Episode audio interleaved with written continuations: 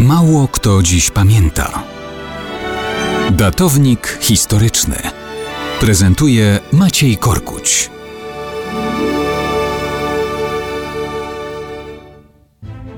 Mało kto dziś pamięta, że 29 maja 1493 roku w Poznaniu odbył się ceremonialny hołd wielkiego mistrza zakonu krzyżackiego przed królem Polski Janem Olbrachtem.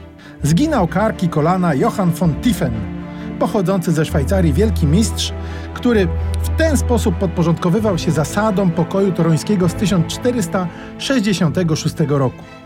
Wtedy pokój kończył wojnę trzynastoletnią, odbierał zakonowi Pomorze Gdańskie i Warmii, uzależniał od Polski całą resztę państwa zakonnego.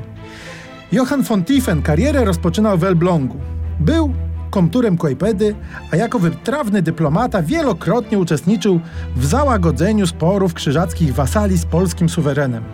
Wielkim mistrzem zakonu został von Tiefen w 1489 roku. Zaraz potem udał się grzecznie do Radomia, aby złożyć hołd przed ówczesnym królem Kazimierzem Jagiellończykiem. Po śmierci tego króla polski tron objął Jan Olbracht, który miał pomysł, aby państwo zakonne przenieść, kompletnie wyprowadzić na pogranicze południowe, na granicę zależnego od Turcji Hanatu Krymskiego. To by nam być może historycznie problem rozwiązało. Ale von Tiefen wiedział, że byłby to koniec marzeń o odzyskiwaniu samodzielności i koniec państwa zakonnego w dotychczasowej postaci nad Bałtykiem.